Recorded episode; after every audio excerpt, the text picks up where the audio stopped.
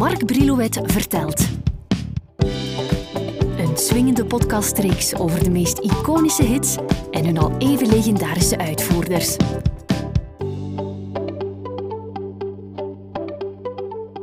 Vraag me niet of ik na zoveel afleveringen precies weet hoeveel songs ik heb geduid die uit een of andere film of uit een uh, bekende musical komen.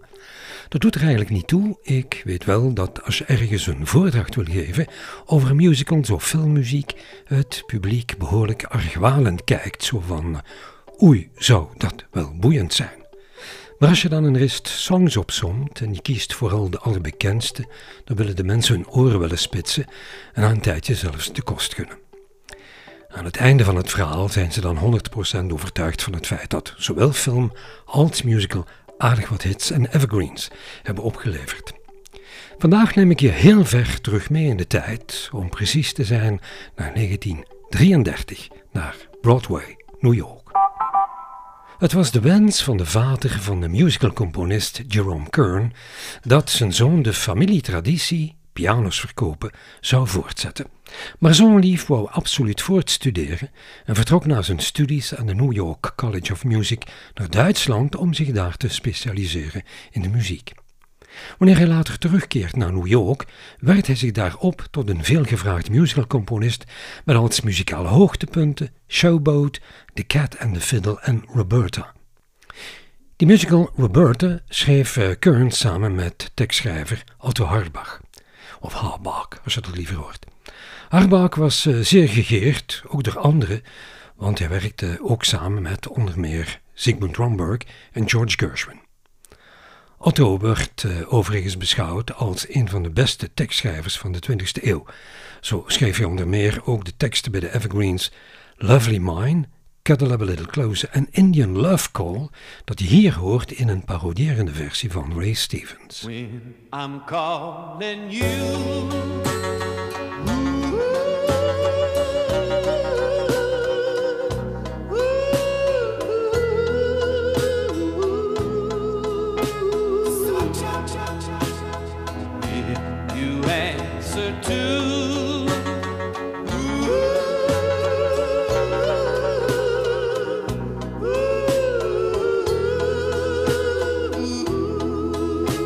De musical Roberta is gebaseerd op de novelle Gowns by Roberta van de hand van Alice Miller.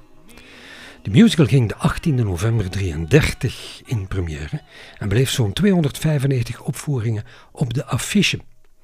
Het was geen goede periode om zo'n musical op die affiche te plaatsen, want Amerika kampte op dat moment met de naweer van een regressie. Dat de musical het toch een tijdje volhield, was niet zozeer te danken aan het verhaal zelf, maar wel aan een stel ijzersterke songs. In de originele musicalcast stonden op dat moment nog niet zo bekende Bob Hope mee op de planken. De musical staat, zoals ik al zei, bol van de geslaagde melodieën. De twee bekendste spaar ik even op, maar we mogen ook oog en oor hebben voor songs als Let's Begin, Something Had to Happen, The Touch of Your Hand and You're Devastating, hier in de versie van Eddie Fisher. You're devastating and so far above me to think of mating I never would dare. Het verhaal van de musical Roberta kan je in het kort schetsen als volgt. John Kent erft een modezaak van zijn tante Minnie, maar die zaak ligt in Parijs. Tante Minnie was daar bekend als Madame Roberta. Ze heeft een jonge assistente Stephanie. John die gooit het op een akkoordje met die mademoiselle en ze worden partners. Ze worden zelfs na een tijdje verliefd, maar een oude geliefde van John duikt plots op Sophie. John vertrouwt haar niet, want ze heeft hem al eens eerder laten zitten. Tijdens de eerste acte van de musical overlijdt tante Minnie en het is dan dat we een van de muzikale hoogtepunten uit de musical te horen krijgen, Yesterdays, zo'n beetje in dezelfde sfeer geschreven als Smoke Gets in Your Eyes. Het was Mario Lanza die in de 50s met graagte die song aan zijn repertoire toevoegde. Well, the pages of the calendar keep turning and here we are in the middle of the summer. Many of us still have our vacations to look forward to, and I'm sure that all of us are anticipating the delights of the brisk fall season. But right now, I'd like to take a fond look backward via one of Jerome Kern's most beautiful songs, Yesterdays.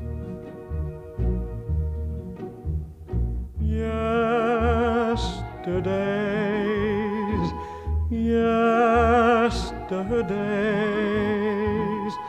Days I knew as happy, sweet, sequestered days, golden days, golden days, days of mad romance and love. Het prijsbeest van de musical Roberta is en blijft Smoke Gets in Your Eyes. Op Broadway werd dit gezongen door een zekere Tamara Dressing.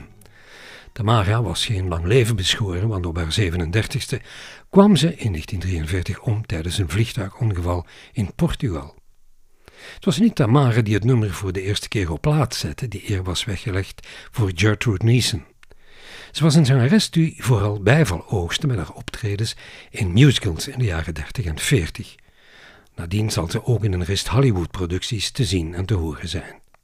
Tijdens haar opname van Smoke Gets in Your Eyes werd Neeson begeleid door het orkest van Ray Sinatra, een regelrechte neef van Frank Sinatra, die vooral bekend zal worden als begeleider van de daarnet al te horen legendarische tenor Mario Lanza.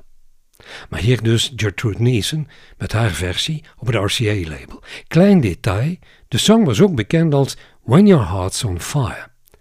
En op de plaat staat Gertrude ook nog vermeld op een oerklassieke wijze, namelijk stijf en deftig, zoals dat in die tijd hoorde als een contra-alt. They asked me how I knew my true love was true. I, of course, replied something here inside cannot be denied. 1935 verfilmde William Saiter deze Broadway-topper met in de glansrollen Fred Astaire en Ginger Rogers en de toen nog piepjonge Lucille Ball. In die filmversie wordt Smoke Gets in Your Eyes vertolkt door Irene Dunn, een actrice die je mag rekenen bij de bekende sterren van The Golden Age of Hollywood. Zo trad ze onder meer op aan de zijde van Charles Boyer en Cary Grant. En om tussen de dames geen ruzie te stoken, mag ook Irene laten horen dat ze een aardig toontje kon zingen. How I knew my true love was true. I, of course, replied something here inside cannot be denied. Van Smoke Gets in Your Eyes belanden na de première van Roberta enkele versies vrij snel in de hitlijsten. In 1934 stond het orkest van Paul Whiteman snel in de hitlijsten met voorop de stem van Bob Lawrence. Ze werden in 1938 op de vocale hielen gezeten door de populaire band van Tommy Dorsey, die zo slim was op de B-kant van de plaat Cole Porter's Night and Day te zetten.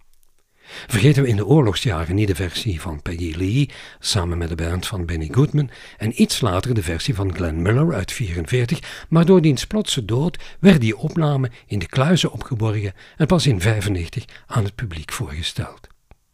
Er bestaat ook een live versie van Nat King Cole samen met zijn trio, moet volgens de juiste bronnen in de maand oktober van 46 zijn ingeblikt. En om de 40s af te ronden, vermeld ik ook nog de versie van Harry Belafonte, daterend van het jaar 49, samen met, hou je vast, jazzsaxofonist Zoet Sims. Keuze over dus, maar mag ik voor de afwisseling kiezen voor de iets meer dansante en opgewekte versie van de band van Paul Whiteman uit 34.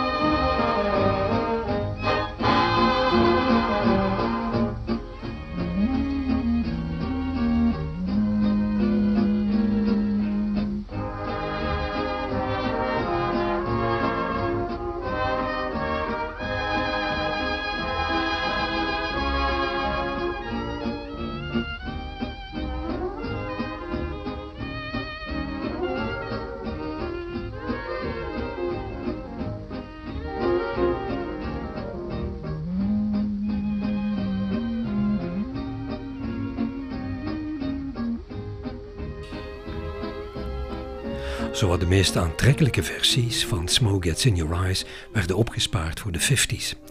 In 1950 zette Joe Stafford het op haar langspeler in New York. Zes jaar later vinden we het op de LP Dinah van Dinah Washington. En nog eens twee jaar later gunt haar concurrent-collega Sarah Vaughan het nummer een plaats op haar album No Count Sarah. Sarah samen met de band van Count Basie. Klein detail. Basie stuurde wel zijn orkest, maar in zijn geval zijn kat. Dus werd er opgenomen zonder de maestro himself. Het valt op dat Sarah de swing aan kant laat en kiest voor een vrij romantische versie, wat haar zangtalent alleen maar ten goede komt. Gelukkig voor de opname heeft ook de stereo zijn intrede gedaan en dat geeft aan die versie een extra dimensie. Geen wonder dat deze LP tot een van de beste behoort die Sarah ooit heeft opgenomen.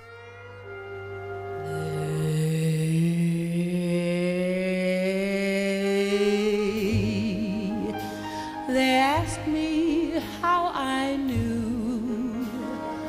My true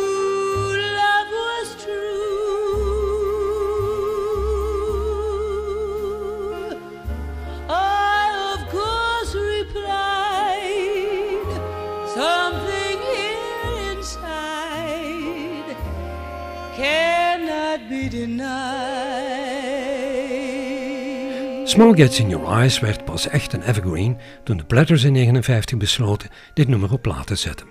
Maar niet zonder problemen. Toen de weduwe van Jerome Kern dit vernam, ging ze gelijk dwars liggen. Ze nam advocaat Max Dreyfus onder de arm om de opname te verhinderen. Wat ze niet wist, dat was dat Dreyfus de Platters dit nummer net had aangepraat, omdat hij vond dat het nummer wat extra geld in het laadje kon brengen. Pas toen Otto Harbach de Platters persoonlijk bedankte voor hun keuze en complimenteerde met hun uitvoering en hun manager Buck Graham ervan overtuigd was dat dit een miljoenenhit zou worden, draaide de weduwe van Jerome Kern bij en kwam de single op de markt. De 20 maart 1959 stonden de Platters op 1 in Amerika en de rest van de wereld zou volgen. Die song siert ook een langspeler Remember When. Ask me how I knew my true love was true.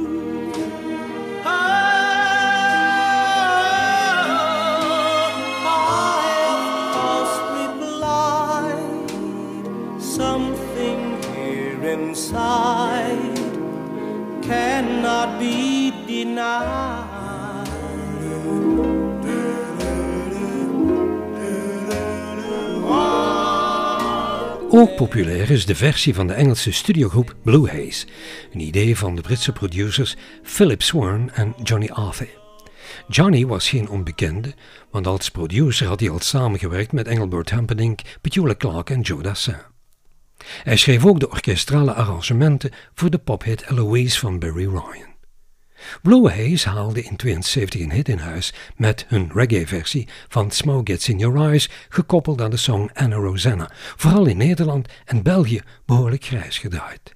Nu nog, zoveel decennia later, blijf je die singleversie horen opduiken in menig verzoekprogramma, al zal de groep nadien nooit nog iets van zich laten horen.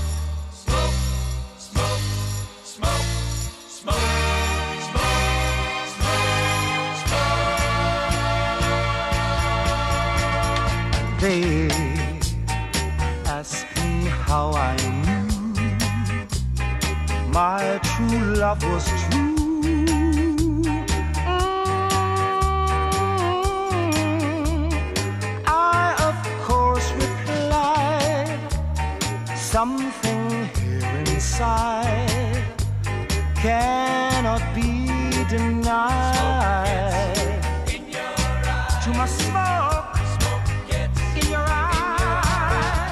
Brusk afronden ga ik niet. Doe ik trouwens zelden. Ik wil in schoonheid afronden met een versie van iemand die je in dit rijtje misschien niet zou verwachten. De frontman van Roxy Music, Brian Ferry, die ons in 74 op 45 toeren verraste met zijn wat eigenzinnige aanpak van deze song die terecht behoort tot The American Songbook. They ask me how I knew my true love was true.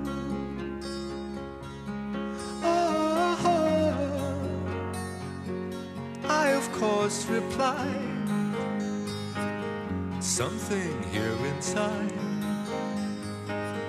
cannot be denied.